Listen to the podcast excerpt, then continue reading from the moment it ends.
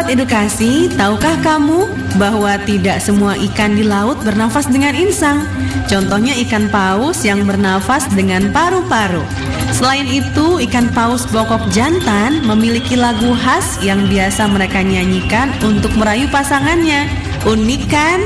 Nah, makanya ya, terus dengarkan suara edukasi karena masih banyak lagi informasi yang akan kalian dapatkan dalam acara Kita Perlu Tahu. Hanya di 1440 AM Suara Edukasi yang akrab dan mencerdaskan. Kita perlu tahu. Kita perlu tahu. Kita perlu tahu. Kita perlu tahu. Kita perlu tahu. Kita perlu tahu. Assalamualaikum warahmatullahi wabarakatuh. Halo sahabat edukasi semuanya. Wow, senang sekali ya kita kembali berjumpa tentunya dalam program kita perlu tahu persembahan dari Suara Edukasi Akrab dan Mencerdaskan. Ini ada Kak Ajeng juga. Hai. Kak Ajeng apa kabarnya? Baik, Kak Baik apa ya. Wah, baik juga dong. Sehat selalu ya. Kita juga Iya. temani oleh eh Our DJ. apa our DJ kita ya Kak Sarif Yang dari tadi Masih ceria sibuk. mulu loh dia loh ya setiap saat selalu ceria entah Harus kenapa harus. ya Harus, harus, harus. harus ya Ah, kayaknya ada sesuatu deh Oke ya dan selamat bergabung juga bagi sahabat dikasih yang saat ini eh Gabung di live Instagram suara.edukasi ya. Yap. Dan untuk sahabat dikasih yang juga melalui live Instagram Suara Dikasih ya. Oke, sudah bergabung ada Irsat tadi langsung bergabung. Halo Kak Irsat ya dan Ada juga juga nanti ada- kita tunggu yang lainnya bergabung ya. Yap. Seperti biasa kita perlu tahu ini akan eh, menyajikan sebuah program yang akan mengulas dari pengetahuan populer ya. Iya, betul banget. Dan untuk edisi kali ini tentunya ini terkait dengan eh, hasanah kebudayaan Islam, Islam. ya. Wow, menarik loh. Ramadan ya. Edisi Ramadan ya. Betul. Tentunya kalau di bulan Ramadan ini Kak Ajeng kita kan juga harus beritela- berliterasi ya atau atau kita juga harus mengenal lah budaya Islam itu seperti apa, apalagi penyebarannya dulu seperti apa. Jadi itu untuk menambah Pengetahuan kita Ah, pengetahuan ya. kita dan juga semangat kita dalam menjalankan ibadah puasa, Betul. ya kan? Nah, ngomong-ngomong tentang kerajaan Islam, ini kita kita kembali ke pelajaran Sejarah ya. sejarah SMP kayaknya ya. Iya, SMP ya. Oke, SMP itu aku ingat banget ya, mulai sejarah dari ini SMP. Ini ya kalau bahkan anak SD sekarang mungkin udah belajar kali ya. mungkin udah belajar ya. SMA juga kayaknya masih mempelajari ya untuk anak IPS ya, seperti dikasih ya. Nah, kalau bicara mengenai kerajaan Islam, tentunya yang paling terkenal itu kalau menurut aku ya, itu adalah Samudra Pasai. Iya, benar banget Paling itu. terkenal ya, ya, sampai saat orang tahu eh, coba kerajaan Islam, Islam pertama Samudra gitu. Pasai ya gitu ya. Karena benar banget saya dikasih eh, kerajaan Islam yang tertua itu kan Samudra Pasai. Tapi sebelumnya ada yang tertua lagi saya dikasih. Nanti kita akan bahas dan Kita juga akan bahas eh, Hmm. kerajaan-kerajaan Islam yang lain yang Yap. di seluruh Nusantara ya, Kak. oh ya? iya tentunya. Jadi ini uniknya setiap pulau ini Ternyata nampaknya ada ya? ada, gitu Betul. kerajaan Islam. Jadi kerajaan Islam itu nggak nggak cuma satu saya dikasih ya. Ternyata ada banyak ya. Ada banyak ternyata ya. Mungkin beberapa eh, kita cuma tahu beberapa aja nih. Hmm. Ternyata ada banyak juga. Jadi hari ini kita akan ngobrol-ngobrol soal kerajaan Islam Hmm. di Indonesia ya. Jadi sahabat edukasi bisa tahu lebih banyak. Mungkin Itu dia. Kalau selama ini cuma dengar beberapa, kali ini kita akan Iya, bahas lebih banyak itu lagi dia. ya. Apalagi jangan jangan sampai sahabat dikasih, misalnya kamu tinggal di daerah Maluku gitu ya, atau tinggal di Nusa Tenggara gitu ya. Ternyata nggak Ternyata tahu. nggak tahu kalau di sana dulunya ada kerajaan Ada- Islam. Wow, betul. jangan seperti itu sahabat dikasih ya. Jadi ini harus mengenang juga ternyata dan harus bangga juga. Oh ternyata di tempatku tinggal ini dulunya ada loh kerajaan Islam Betul. yang sangat populer dan juga peninggalan-peninggalannya juga bisa di apa lestarikan gitu. Nah, kalau untuk kerajaan Islam di Indonesia ini diper- diperkirakan udah ada sejak abad ke-13 sudah dikasih. Nah, sebelum abad ke-13 itu itu kerajaannya adalah kerajaan Hindu Buddha, Hindu ya Buddha, kan? Sama-sama kita tahu ya, banyak banget ya. Dan saat itu juga kerajaan-kerajaan Islam bermunculan ini akibat lalu lintas perdagangan laut. Jadi gara-gara perdagangan ya, Kajeng ya. Dan pedagang-pedagang Islam dari Arab, Persia, India hingga Tiongkok ini berbaur dengan masyarakat Nusantara ya. Terus masuknya agama Islam ke Nusantara lewat perdagangan ini yang kemudian turut membawa banyak perubahan dari sisi budaya hingga pemerintahan. Makanya itu adanya kerajaan Islam akhirnya bermunculan ya. Itu dia sahabat dikasih. Makanya itu eh, munculnya kerajaan Islam itu juga merupakan cikal bakal ya eh, agama Islam yang saat ini ada di Indonesia. Betul. Jadi itu juga Awalnya persebaran agama Hmm, Islam. persebaran ya. dari sana gitu sahabat dikasih. Jadi kita harus mempelaj- mempelajarinya juga, bukan semerta merta ah ngapain itu, tapi enggak ya. Jangan Betul. sampai eh, kita melupakan sejarah itu ya. Dan sebenarnya kalau bicara mengenai kerajaan Islam ya, ini juga terdapat peninggalan-peninggalannya. Tuh, Nah, nanti ya. menarik kan. Tapi kalau menurut Kak Ajeng, aku mau debak mau ini nanya nih. Ya. Apa Satu aja peninggalan kerajaan Islam menurut Kak Ajeng apa kira-kira? Yang paling kelihatan sih masjid. ya. Masjid bener banget. Iya kan? Banyak ya masjid. Masjid. Itu peninggalan. sebenarnya aku udah bahas sih masjid masjid eh, tertua di Nusantara udah udah bahas ya. Udah pernah juga ya di KPT ya? Di Iya. Salah satunya masjid tertua itu justru ada di Maluku Kak Ajeng. Oh ya, itu berarti udah dari zaman dulu ya? Udah di zaman dulu itu ada di Maluku yang pertama dan kalau di Jawa itu justru masih di bawahnya umur umurnya masih muda lah ya ibaratnya ya. Ada lagi kalau yang paling besar itu yang di Surabaya Kajeng. Kajeng pernah ke Surabaya di Surabaya itu ada masjid eh, lumayan besar juga di sana gitu. Itu juga peninggalan dari eh, Kerajaan Islam ya? ya kerajaan Islam dan juga kesultanan dulu ya.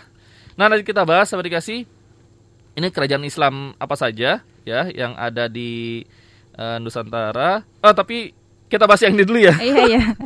Jadi ada kerajaan Islam pertama di Indonesia. Iya nih, pasti pada penasaran. Tadi kan aku bocorin Samudra Pasai. Iya, aku juga taunya Samudra Pasai, tapi Ah, ah. ternyata Mm-mm. kerajaan Islam pertama di Indonesia itu adalah kerajaan Perlak. Semoga aku benar ya cara bacanya. Perlak. Mm-mm. Kerajaan Perlak ini ada sekitar tahun 840 sampai 1292 Masehi. ya. Mm-mm. Jadi kerajaan Perlak atau Kesultanan Pereulak merupakan kerajaan Islam di Indonesia yang terletak di Pereulak, Aceh Timur. Oh ada di Aceh Oh, ya di berarti Aceh ya. ternyata pertama kali, benar. Oke. Perlak merupakan wilayah yang dikenal memproduksi kayu perlak yang merupakan bahan baku pembuatan kapal. Oh. Perlak itu nama kayu, Nama kayu, ternyata. betul. Jadi emang kerajaan Perlak. Oh berarti dulu kerajaannya ini kaya banget ya kan kayunya ini ya. Iya. Nah, Oke. makanya nggak heran kalau Perlak ini ramai dikunjungi oleh pedagang eh, pedagang Gujarat, Arab dan Persia sehingga komunitas Islam di wilayah ini berkembang dengan pesat. Proses asimilasi dari hasil kawin campur pedagang muslim dengan wanita pribumi banyak terjadi di masa itu, Kak. Jadi nih, para pedagang datang karena Indonesia kan memang eh, jalur strategis di perdagangan Ah. dunia ya. Jadi eh, banyak pedagang dari Gujarat, Arab dan Persia yang datang kemudian menikah dengan wanita pribumi dan akhirnya eh, Islam semakin menyebar di Perlak di Aceh itu Kak. Oke. Dan kerajaan Perlak ini berlangsung cukup lama. Raja pertama kerajaan Raja Perlak pertama kerajaan Perlak siapa tuh? bernama Alaidin Syahid Maulana Aziz Syah. Nah, Oke. Kemudian wow. raja terakhirnya adalah Muhammad Amir Syah yang mengawinkan putrinya dengan Malik Saleh. Malik Saleh inilah cikal bakal yang mendirikan kerajaan Samudra Pasai. Nah, itu Oh, dia.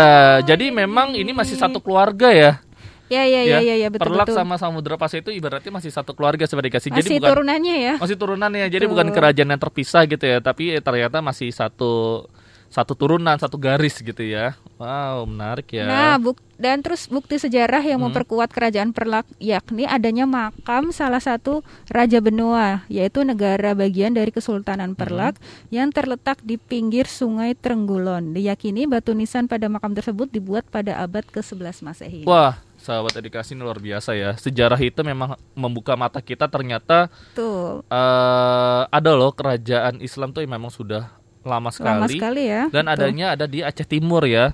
Aceh Timur di daerah Perlak karena terdapat kayu perlak. Aku sih belum Betul. tahu ya Kak Ajeng ya kayu perlak itu seperti Iya, apa. iya. Tapi kayaknya menjadi ciri khas dari eh, daerah sana deh Iya, ya. iya. Yang merupakan bahan baku pembuatan kapal ya. Iya. betul. Oh iya karena dulu itu Kan kapal itu, itu- untuk iya. lalu lintas perdagangan itu Bener menggunakan banget. kapal. jadi kapal itu eh, sangat ini banget ya, sangat vital banget ya Tuh, kapal laut ya. Kalau sekarang kan mungkin pesawat terbang atau mobil ya Iya. sekarang ya. Di zaman dulu Gitu. tuh orang mengarungi samudra ya. Iya, mengarungi samudra saya dikasih bukan mengarungi jalan tol ya. Mengarungi jalan tol ya. Dan nih salah satu tadi kan kalau kita ngomongin peninggalan sejarah eh, masjid nih sekarang yang juga banyak kita temuin adalah makam-makam ya kayak Iya, benar banget. Itu tadi salah satu bukti peninggalannya itu saya dikasih terkait dengan adalah makam rajanya ya. Iya, kerajaan Perlak. Jadi dapat kita ketahui saya dikasih ya, eh, kerajaan yang tertua itu didahulukan oleh kerajaan Perlak Yang dan kemudian cikal bakal dari kerajaan ah, ah, Samudra Pasai. kerajaan Samudra Pasai. Yang selama ini lebih kita kenal sebagai katanya kerajaan pertama, Hmm, Islam pertama ya Itu Kak. dia. Wow, menarik ya. Oke, setelah ini kita bahas lagi Kerajaan-kerajaan eh, yang lain ya. kerajaan-kerajaan lain tapi nanti kita bahas per daerah ya. Tuh. Per daerah, misalnya di Jawa ada apa, terus nanti di daerah lain juga ada apa aja sih kerajaannya ya. Dan untuk saya dikasih silakan ya, Kajeng ya kalau yang ingin bergabung Bergabung. bersama kita, kalian ingin sharing tentang Ternyata eh, ternyata di kerajaan. daerah aku ada loh Kak. Iya, kerajaan itu juga bisa. Kalian ingin share gitu. terkait dengan kerajaan-kerajaan Islam, langsung aja kalian ketik di kolom chat eh, Instagram ataupun kalian bisa langsung WhatsApp di 0811913 1440. Oke, Kajeng kita akan kembali lagi ya. Setelah Oke. ini ya, eh, sampai dikasih sambil menunggu juga bisa mendengarkan lagu-lagu enak yang diputarkan oleh Kasarif. Jadi tetap bersama kami hanya di Suara Dikasih. Akrab dan mencerdaskan. Kita perlu tahu. Kita perlu tahu. Kita perlu tahu. Kita perlu tahu. tahu. Kita perlu tahu. Kita perlu tahu. Sahabat Dikasih kembali bersama kita berdua ya, Kajeng ya. Tentunya di program kita perlu tahu. Wow. Dan hari Dan- ini kita masih ngebahas soal kerajaan Islam yang ada di Indonesia ya Kak ya. Itu dia sahabat dikasih ya. Tentunya kalau bicara mengenai kerajaan Islam itu merupakan cikal bakal berkembangnya agama Islam di Nusantara ya. Betul. Kalau tidak ada kerajaan-kerajaan tersebut ya kita tidak tahu ya Indonesia bagaimana gitu ya. Tapi itulah mempelajari sejarah itu sebagai bentuk penghormatan kita kepada leluhur kita sahabat dikasih. Betul. Itu dia ya. Nah, daerahku dulu ya. Ini kita ke Pulau Jawa dulu sahabat dikasih ya. Yang dekat aja dulu ya. Kira-kira di Pulau Jawa ini kerajaan Islam itu ada apa aja sih? Nah, aku bahas dulu yang pertama ada kerajaan Demak. Wow, ini, Ini, udah, cukup udah terkenal ya. populer, ini pasti Betul. populer sahabat dikasih. Ini kalau di soal ujian ini pasti ada nih tentang kerajaan Demak. Oke sahabat dikasih. Jadi kerajaan Demak ini merupakan kerajaan Islam pertama yang terdapat di Pulau Jawa ya. Dan kerajaan ini didirikan oleh Raden Patah ya. Tuh. Raden Patah, kayaknya Raden Patah sering dijadikan nama jalan ya, Jalan Raden Patah ya. Iya betul betul. Oke, saudara dikasih ya dan didirikan pada tahun 1478 ya dan kerajaan Demak berkembang sebagai pusat perdagangan sekaligus pusat penyebaran agama Islam kala itu ya. Dan penyebaran Islam saat itu sangat dipengaruhi oleh jasa para wali baik di Pulau Jawa maupun yang berada di luar Pulau Jawa ya. Yang eh, sampai ke Maluku bahkan ke sampai ke Kalimantan sudah dikasih. Dan di masa pemerintahan Raden Patah Kerajaan Demak ini mendirikan masjid yang kali itu juga dibantu oleh para wali ya ataupun sunan ya.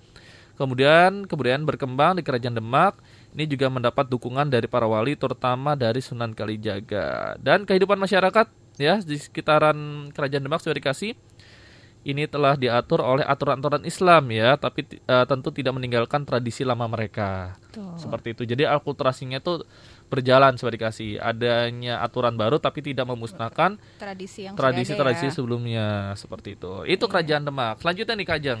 Yap. Selanjutnya nih, ini juga wah ini di daerah kita nih kak nih, kerajaan Banten. Oh Nah, iya, pasti ya Banten ya.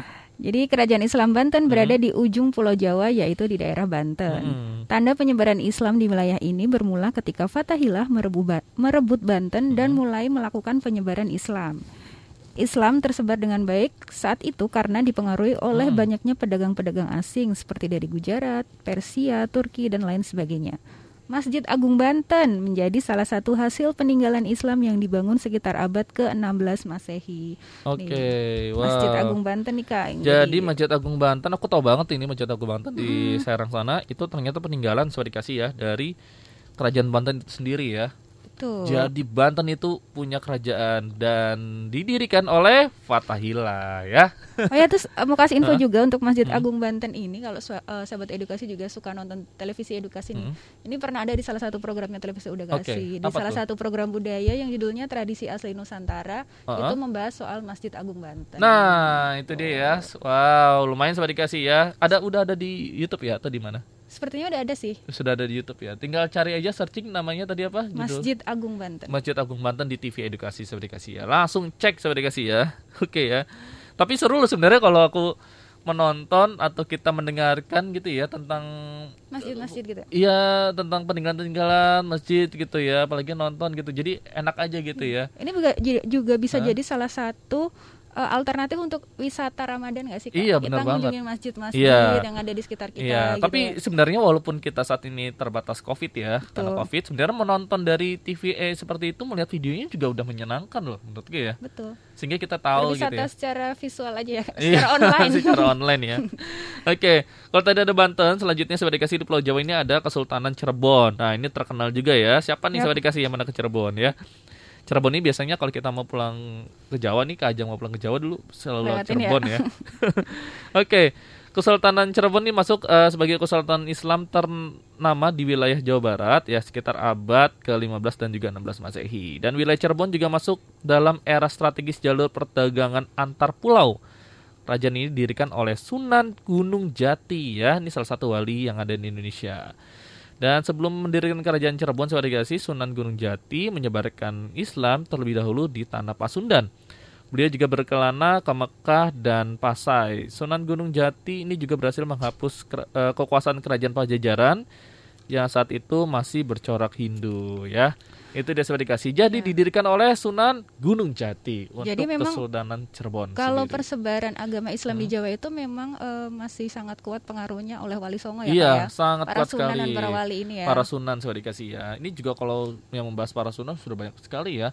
Dan sudah dikasih kalau sebagai orang Indonesia kalau tidak tahu para sunan, wow, kayaknya harus sekolah lagi.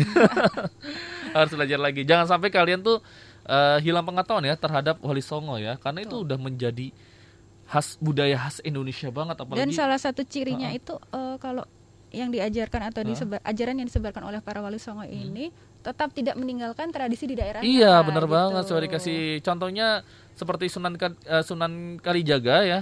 Itu Sunan Kalijaga itu dia menggunakan wayang loh dalam Iya. dalam penyebaran agama Islam. Jadi ya. menggunakan tradisi ya kak ya? Iya masih yang lama. Wah luar biasa sudah dikasih ya. Jadi ini harus mengetahui juga ya. Dan ini sebagai penghormatan juga ya Wali Songo itu dulu dan dia tetap menghormati tradisi-tradisi yang udah lama yang tidak bisa ditinggalkan masyarakat gitu ya. Jadi menyesuaikan lah terjadi akulturasi lah Iya. gitu ya. Oke, nanti kita akan bahas lagi kalau Tadi eh, so. tadi dari Jawa Nanti akan dari pulau luar Pulau Jawa ya Luar ya? Pulau Jawa, kira-kira dari mana nih ya? Wow, menarik Sobat Dikasih untuk kita bahas. Oke, dan silakan masih kita tunggu bagi Sobat Dikasih yang saat ini sedang online melalui live Instagram, kalian bisa chatting bersama kami ya. Kalian tinggal ketik aja misalnya terkait dengan uh, kerajaan ya. Misalnya kalian ingin sharing ilmu ataupun sharing pengetahuan ataupun mau request lagu juga bisa nih ke Sarif ya. Dan silakan kalian juga langsung WhatsApp aja di 0811913144. Kita akan kembali lagi Kajeng ya.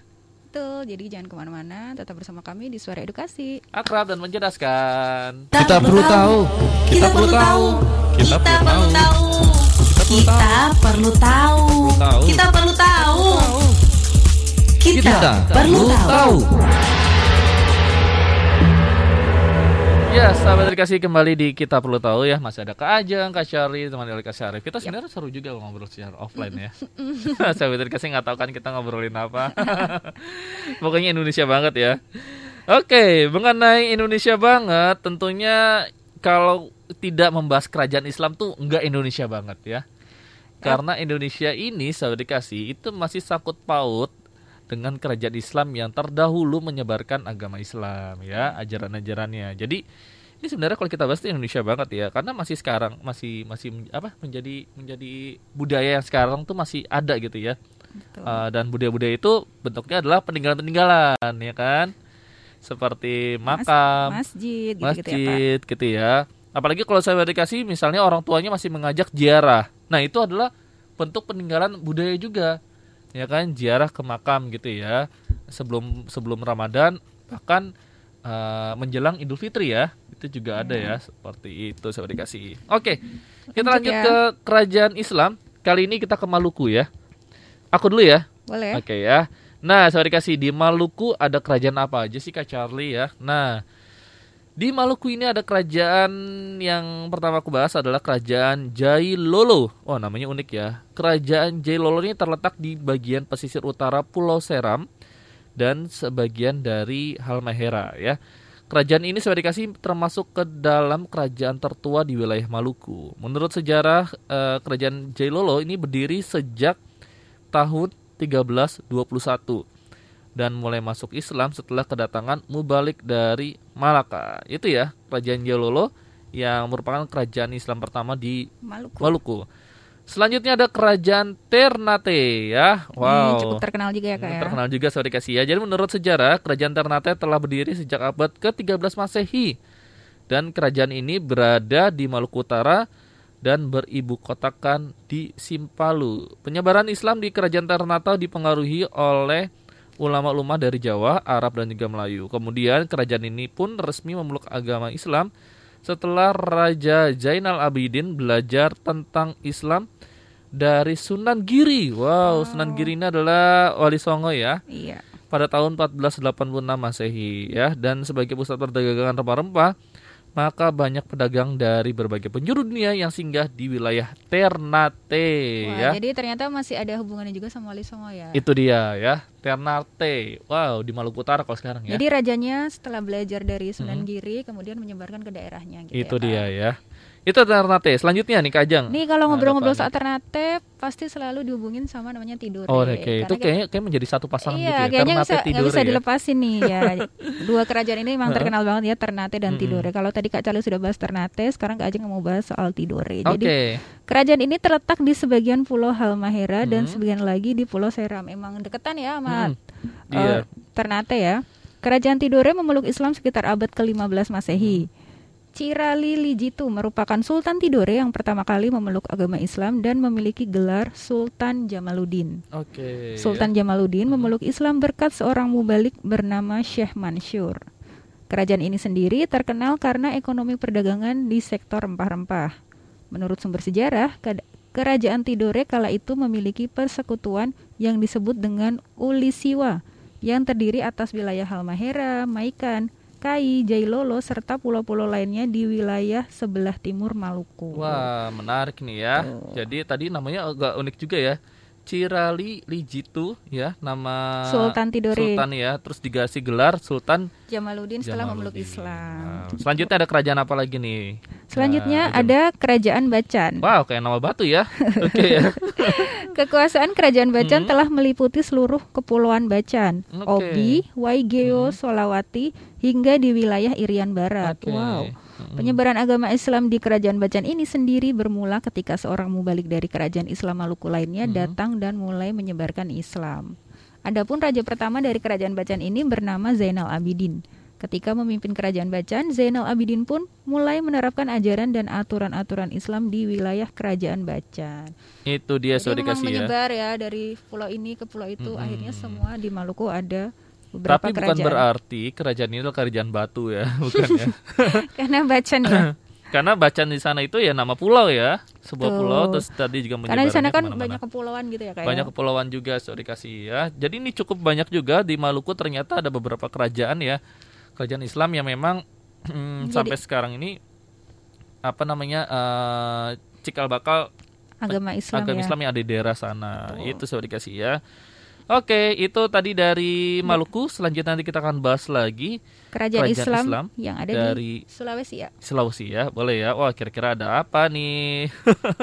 Oke, setelah ini kita akan bahas lagi untuk sahabat dikasih. Jadi jangan ke mana-mana ya, tetap bersama kita hanya di Suara Dikasih. Akrab dan mencerdaskan. Mencerdaskan. Kita perlu tahu. Kita perlu tahu. Kita perlu tahu. Kita perlu tahu. tahu. Kita perlu tahu. Kita perlu tahu. Yap, kembali lagi Suara Dikasih tentunya di Suara Dikasih Akrab dan Mencerdaskan. Tentu kita masih disiarkan di lantai 2 ya, Gedung Geraha Media, Pusdatin Ciputat, Banten. Kalau Ya. di Pusdatin ini ada berapa gedung sih Kak Ajeng? Tiga ya. Ada tiga, Geraha Tama, Geraha Tata, Dan Geraha Media. dan juga Geraha Media ya. ada juga sih Geraha Jajan Kantin ya. kantin, tapi lagi tutup karena lagi, Lagi puasa tutup ya. ya. Oke ya. Jadi kita mau lanjut bahas lagi ya, Kita ya? lanjut bahas tentang kerajaan Islam saya dikasih tapi kita ingin menyapa dulu deh. Tadi sudah banyak ada banyak sih yang masuk tadi ya. Ada siapa aja ya? Eh boleh minjem mouse-nya. Nah, tadi di awal itu ada ada banyak sih tadi. Oh, ada Irsya, terus ada Demisiani. Halo Kak. Halo, Halo. Demisiani. Terus tadi ada juga Fahri. Fariha Rukiana dua. Uh, uh, terus juga ada Sari Aryani, ada Ivana, ada, Ada Saskia, ada Rani, ada Putu, ada Kasispa, ada Meswari, ada Fans, ada Rijan, Nanto, terus ada Kajang sendiri, juga ada Kiki Nikens. Dan juga ada Riri Studies. Hai, ya. Semuanya terima kasih ya sudah bergabung. Siap. Oke, selanjutnya kita ke Sulawesi ya. Wah, ini aku dulu ya. Oke. Tapi sebenarnya kok banyak banget ya. Di Sulawesi ini banyak banget kerajaannya ya. Coba juga apa dulu nih kita bahas Ya, aku, satu-satu yuk. aku kira tuh kerajaan Islam itu yang paling banyak tuh di Pulau Jawa loh. Ternyata malah di luar Ternyata Pulau Jawa di banyak ya Sulawesi Kak. ya. Bentar nih saya dikasih. Jadi kerajaan Islam di Sulawesi itu ada banyak loh. Oke, pertama ada kerajaan eh, Kesultanan Buton ya. Yap. Jadi ada kerajaan Kesultanan Buton merupakan kerajaan Islam yang terletak di Sulawesi Tenggara, saya dikasih. Dan menurut sejarah, kerajaan ini telah lama berdiri bahkan sebelum agama Islam masuk ke wilayah Sulawesi. Kerajaan ini muncul pada awal abad ke-14 Masehi ya, dan kerajaan Kesultanan Buton ini awalnya memiliki corak agama Hindu-Buddha, akan tetapi seiring semakin berkembangnya agama Islam di wilayah Sulawesi, kerajaan ini pun kemudian berubah menjadi kerajaan bercorak Islam. Kerajaan Buton ini menguasai banyak wilayah di Kepulauan Buton, termasuk di kawasan perairannya ya.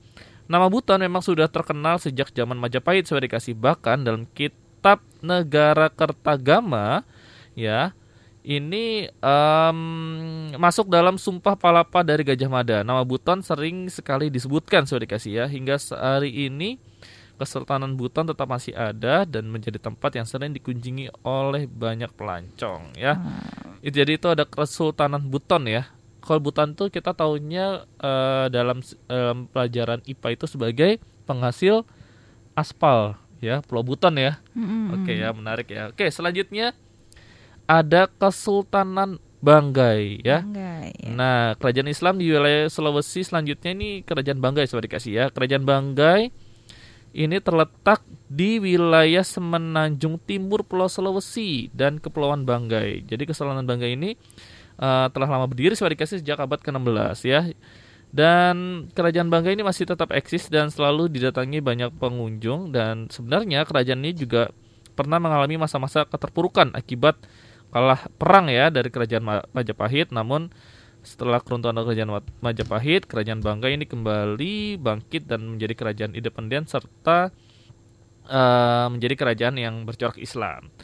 Selanjutnya ada kerajaan Goa Talo. Ini Banyak ya kerajaan ternyata. Goa aku tahu nih sebenarnya ya. Iya. Karena dulu di sejarah ada ya cukup terkenal juga. cukup terkenal ya kerajaan Gotalo ini sebenarnya memang eh, terdiri atas dua kerajaan yang menjalin persatuan dan persekutuan persatuan dua kerajaan besar di wilayah Sulawesi ini kemudian memberikan dampak yang begitu besar juga saya dikasih ya kerajaan Goa sendiri telah eh, menguasai wilayah daratan dataran tinggi ya adapun untuk wilayah Talo ini menguasai daratan pesisir jadi Ketan- ada kerajaan Goa dan juga Talo terus mereka menyatu jadi kerajaan Goa Talo Talo. yang satu tugasnya untuk Di dataran, dataran tinggi, tinggi, yang satu pegunungan, di satu di pesisir ya. pesisir. Wow, ini boleh juga ya bagi tugasnya ya. Dan pengaruh yang cukup kuat menjadi dua kerajaan ini sebagai kerajaan yang sangat berpengaruh pada jalur perdagangan wilayah timur tanah air. Ya, sejarah menyebutkan jika kerajaan Goa Talo ini telah berdiri sejak eh, sebelum eh, Islam masuk ke wilayah Sulawesi atau lebih tepatnya sekitar abad ke abad abad 13 Masehi ya.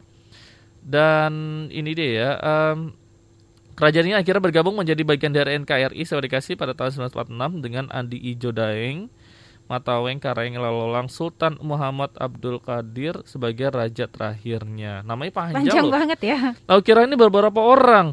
Ternyata panjang ya. Andi Ijo Daeng, Matawang Karaeng Lalolang Sultan Muhammad Abdul Qadir Aiduddin. Aiduddin ya sebagai raja terakhir kala itu. Wow, ya saya dikasih ya.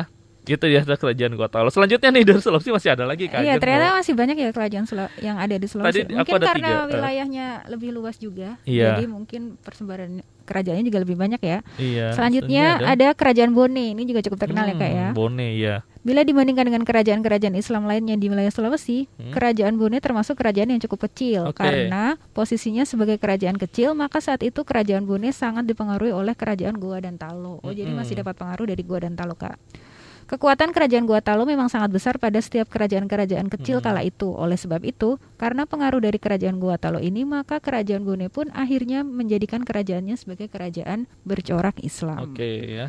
Agama Islam ini sendiri masuk ke kerajaan Bone pada masa pemerintahan Raja Bone ke-11 atau Hmm. sekitar tahun 1611 Masehi. Setelah itu, agama Islam pun makin tersebar karena dapat diterima dengan baik oleh masyarakat di wilayah kekuasaan kerajaan Bone. Gitu. Oke, itu dia kerajaan Bone. Selain Selanjutnya- kerajaan Bone ada Kerajaan Konawe ya. Konawe. Kerajaan Konawe berada di wilayah Sulawesi Tenggara. Oke. Sebelum bercorak Islam, kerajaan ini awal mulanya merupakan kerajaan bercorak Hindu. Hmm. Akan tetapi, seiring berkembangnya agama Islam di Konawe sekitar tahun 18 Masehi, kerajaan Konawe pun secara perlahan mulai mengalami perubahan sistem pemerintahan dan pada akhirnya juga masuk menjadi bagian negara kesatuan Republik Indonesia.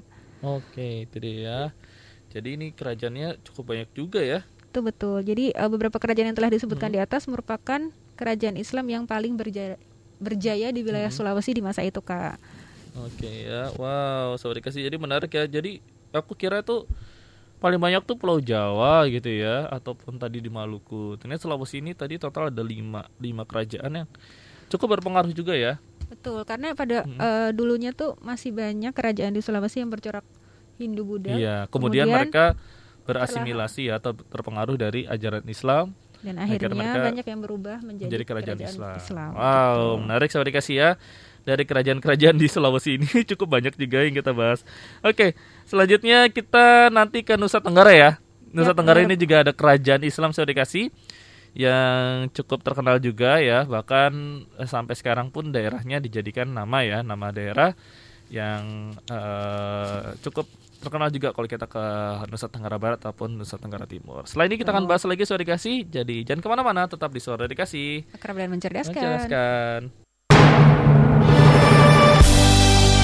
Anak-anak saya pikir yang penting pendidikan tidak bisa ditawar. Masa depan hanya bisa menjadi baik kalau pendidikannya baik. Saya Arif Rahman dari Ketua Harian Komisi Nasional Indonesia untuk UNESCO. Selamat mendengarkan suara edukasi. Terima kasih.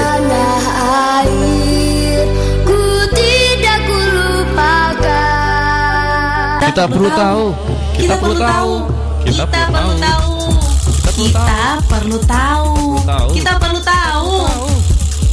Kita perlu tahu. Yap, sahabat edukasi, kembali di suara edukasi akrab dan juga menjelaskan. Masih ada Kak Ajeng dan juga Kak Charlie ya. Ya, ada juga Kak Syarif. Kak Sarif juga. Kita menyapa tadi sudah ada yang menyapa kita melalui live Instagram. Siapa aja tuh? Hmm, tadi yang sudah masuk tuh tadi terakhir itu Sampai ada yang- ini ya. Iya, yang. Riris tadi sudah, terus ada Eka Umu Zaidan, ya ada, Wahyu, Ambara, terus ada siapa nih? Dwi Ananda, Heeh, terus ada Miss Cherry 11, terus ada kelas Arya. Mas Ari. Wow, halo Kak Charlie, Kak Ajeng, halo juga Halo. Kak kelas Ari. Terus ada Tahu Frida ya. Nah, ini terakhir ada Delia. Halo Delia, apa kabar ya? Oke, kita lanjutkan pembahasan kita terkait dengan kerajaan Islam ya. Nah. Selanjutnya, Selanjutnya sekarang kita akan bahas tentang kerajaan Islam yang ada di Nusa Tenggara, Kak. Wah, ada apa nih? Dari Nah. Kak Ajeng dulu deh. Oke, yang pertama ada Kesultanan Bima. Kesultanan Bima. Oke ya. Kesultanan ini didirikan pada tanggal 7 Februari 1621 Masehi. Hmm. Masuknya Islam di kerajaan Bima diawali ketika pada tahun 1540 Masehi para mubalik dan pedagang dari Kesultanan Demak datang dan menyebarkan Islam. Oke ya. Penyebaran Islam terus berlanjut dan diteruskan oleh Sultan Alauddin sekitar tahun 1619. Beliau mengirimkan para mubalik dari Kesultanan Luwu, Kerajaan Taulo dan juga Kerajaan Bone. Oke. Jadi di Bima itu memang kalau sekarang kan nama daerah ya. Iya, betul. daerah Bima ya. Tapi itu ternyata dulu itu sudah Sebuah menjadi kesultanan ya. sebuah kesultanan. Itu saya dikasih ya. Selanjutnya, Selanjutnya ini, ada ini juga mungkin kalau dengar nama daerahnya juga familiar nih. iya familiar ya. Salah satu tempat yang sekarang jadi favorit untuk wisata Oh, ya kayak bener banget. Ada itu apa? Kesultanan Sumbawa. Wah, Sumbawa ternyata menjadi nama kesultanan dulunya Ternyata dulu ya. juga s- kesultanan ya kak ya. Jadi menurut Zollinger sebelum masuk ke Pulau Lombok, Islam terlebih dahulu masuk ke Pulau Sumbawa yaitu Oke. sekitar tahun 1450 sampai 1540 Masehi. Mm-mm. Ajaran Islam dibawa langsung oleh para pedagang Islam dari Jawa dan juga Sumatera. Runtuhnya kekuasaan Majapahit menjadikan banyak kerajaan kecil di wilayah Pulau Sumbawa menjadi merdeka. Kondisi semakin memudahkan masuknya agama Islam di lingkungan Kesultanan Sumbawa. Sekitar tahun 16 Masehi, Sunan Prapen yang merupakan keturunan dari Sunan Giri masuk ke Pulau Sumbawa dan menyebarkan Islam ke kerajaan-kerajaan Oke. bercorak Hindu. Jadi ini cukup berpengaruh juga sahabat dikasih ya dari eh, peranannya para sunan ya Para wali atau ya. para wali songo itu ya, termasuk yang tadi Sunan Prapen ini yang turunan dari Sunan Sunan, Giri Giri, ya? yang mereka turut menjabarkan agama Islam di Pulau Sumbawa. Dan ini pun eh, terpengaruh juga dari runtuhnya kerajaan Majapahit ya tadi disebutkan. Oke, selanjutnya sahabat dikasih ada kerajaan ya di daerah kalau ini sekarang ini masih daerah Nusa Tenggara Timur ya. Yaitu adalah kerajaan Dompu ya. Wow, ini Dompu itu taunya ya daerah Dompu ya. Iya. Tapi ternyata Dulunya adalah kerajaan. kerajaan loh sahabat dikasih menarik ya. Kerajaan Dompu terletak di wilayah Kabupaten Dompu yang saat ini sahabat dikasih ya dan kerajaan ini berasal eh, berada ya maksudnya berada di wilayah Kabupaten Bima dan Kabupaten Sumbawa. Mayoritas penduduk setempat ini telah memeluk agama Islam dengan tradisi dan budaya Islam sudah dikasih. Keturunan raja atau dikenal dengan istilah bangsawan Dompu hingga kini masih tetap ada sudah dikasih. Mereka sering dipanggil dengan sebutan rumah atau dae ya. Istana Dompu yang menjadi simbol kekuasaan zaman dahulu kini telah diubah menjadi Masjid Raya Dompu. Wow. Jadi Kalau saya dikasih ke Dompu ternyata ada sejarahnya, ada peninggalannya ya. Iya, kalau ke Masjid Raya Dompu ternyata itu dulunya adalah istana. Kak. Istananya loh saya dikasih luar biasa ya. Gue tau ya Dompu itu ya nama daerah ya. Jadi ternyata kita bisa melihat eh, kemegahan bangunan-bangunan zaman dulu lewat peninggalan-peninggalan. Peninggalan ya. sekarang itu dia yang tadi disebutkan kan ada Masjid Raya yang ada di Pulau Jawa saya dikasih ya. Yang juga termasuk peninggalan dari kerajaan Islam terdahulu. Wow.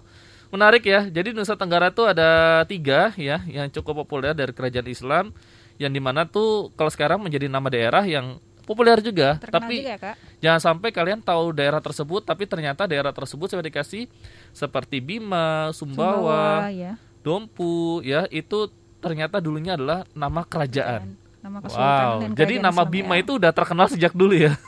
sudah ada sejak dulu. Sejak sudah ada sejak dulu. Oke, setelah ini sahabat dedikasi kita masih membahas lagi kerajaan Islam. Kali Kali- ini datang dari Kalimantan. Kalimantan ya. Kalau Kalimantan ternyata ada kerajaan Islam. Penasaran kan sahabat dedikasi?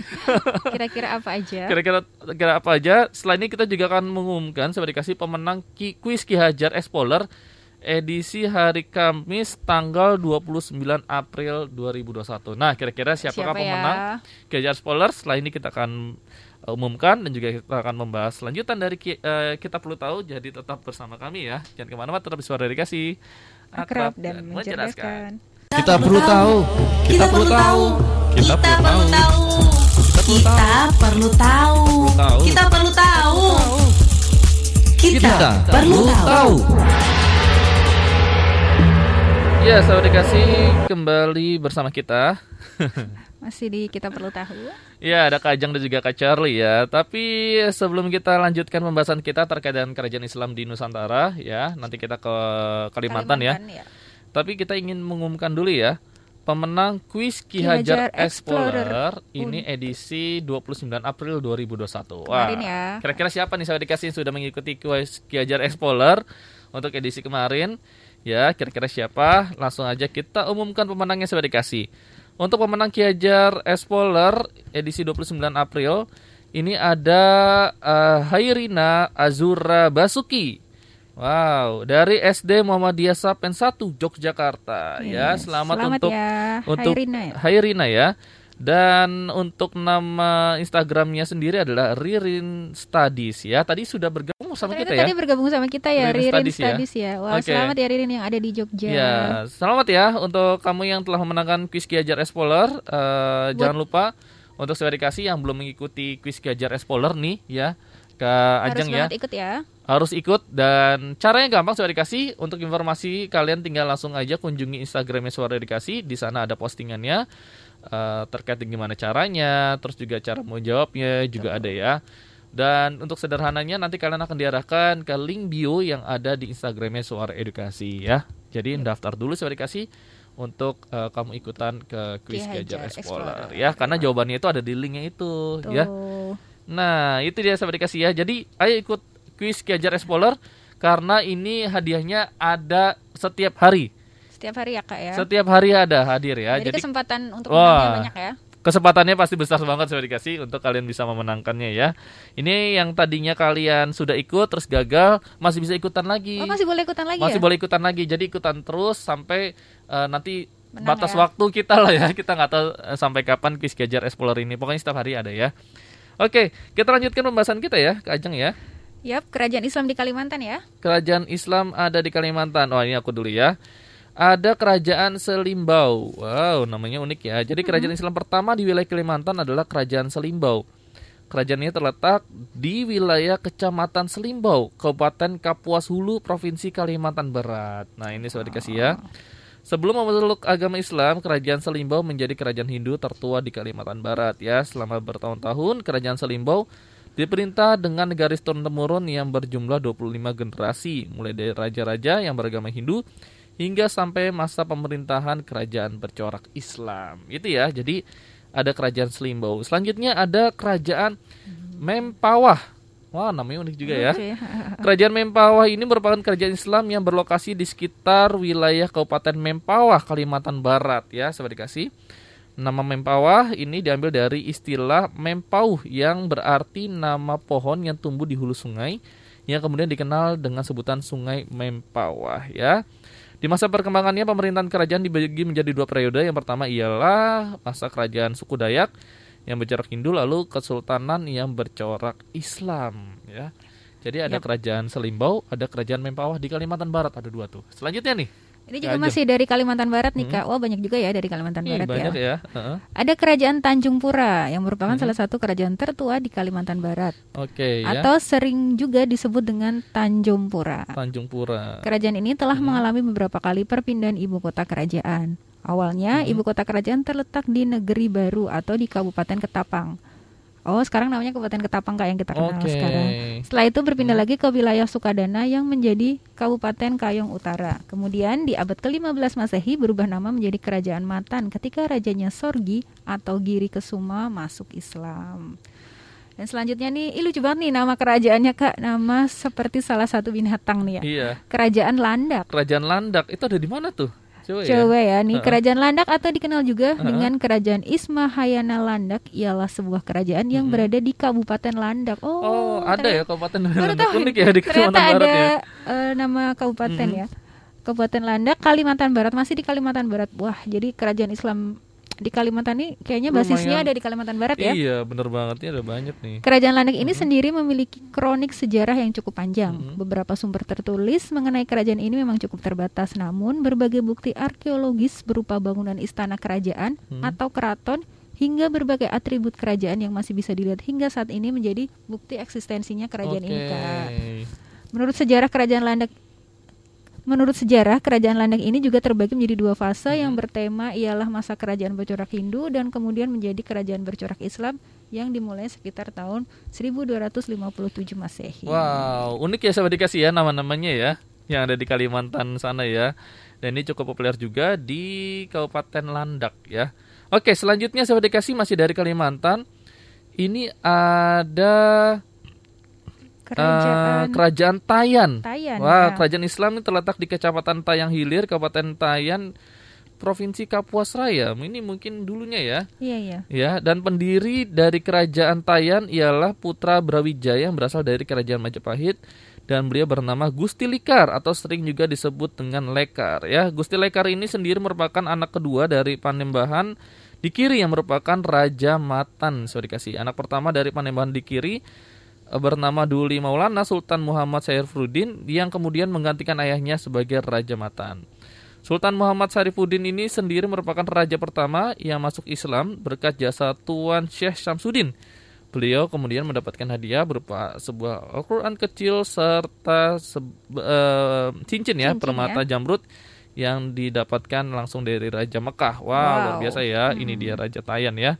Selanjutnya ini ada Kesultanan Pasir nih dari Kalimantan Timur sahabat dikasih. Sebelumnya Kesultanan Pasir disebut sebagai kerajaan Sadurangas yang merupakan sebuah kerajaan yang berdiri sejak tahun 1516. Saat itu kerajaan dipimpin oleh seorang ratu yang bernama Putri di dalam Petung. Wah, namanya Wow. unik ya. Seorang ratu. Ya. Keren. Sebelumnya ratu menikah dengan Abu Mansur Indrajaya, Putri Petong uh, petung ya masih menganut ajaran animisme atau kepercayaan menyembah roh-roh halus. Lewat jalur perkawinan antara Ratu Petung dengan Abu Mansur Indrajaya, Kesultanan Pasir uh, mulai memeluk agama Islam. Selain itu, jalur perdagangan yang berasal dari berbagai pedagang Muslim juga punya peranan besar terhadap penyebaran agama Islam di Kesultanan Pasir. Wow, itu ya. keren. Jadi banyak ini ya di Kalimantan ya. Iya. Apalagi Kalimantan Barat Kalimantan ya. Barat ya ternyata cukup banyak kerajaan Islam. Itu lumayan sobat dikasih ya. Wow. Dan itulah sobat dikasih eh, yang dapat kita share ya pada share kepada sobat dikasih semua terkait dengan kerajaan Islam ini sebagai bentuk hasanah Islam yang ada di Indonesia. Dan Wah, kita luar biasa sebagai dikasih ya. ini sahabat edukasi terutama ya sebagai generasi muda wajib tahu juga ya. Wajib tahu sobat dikasih. Jadi jangan sampai kalian tuh nggak tahu kerajaan Islam yang ada di Indonesia ya. Jadi harus tahu juga apalagi bagi kamu yang berada di daerah Kalimantan, Sulawesi, Nusa Tenggara, Maluku yang tadi kita sebutkan ya. Apalagi di Pulau Jawa. Iya. Jangan sampai kalian nggak tahu kalau di Banten itu ada kerajaan Kesultanan Banten yang tadi kita bahas ya, yang di mana pendirinya itu adalah Fatahillah ya. Oke, sahabat dikasih, demikian dapat kita sampaikan di edisi kali ini. Terima kasih bagi sahabat dikasih yang telah join bersama kita, Di baik melalui Instagram. Instagram ataupun melalui streamingnya ya di suaradikasih.kemdikbud.co.id. Oke, dan sahabat dikasih selamat menjalankan ibadah puasa. Jangan jangan lupa nih, Kak Ajeng. Nanti pada pukul 2 siang Ah, iya. itu ada Apa- program eksakta ya. Eksata bersama Kak Hani ya. Iya. Jadi tetap station terus di Suara, Suara Edukasi. Edukasi. Oke, sampai ketemu lain kesempatan dan tetap jaga kesehatan ya. Ya. Kak Charlie Paut diri. Kajeng diri. Wassalamualaikum warahmatullahi wabarakatuh.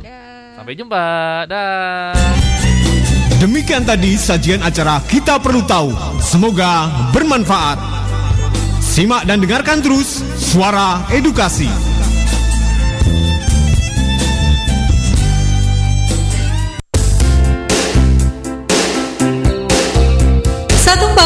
AM Suara Edukasi yang akrab dan mencerdaskan.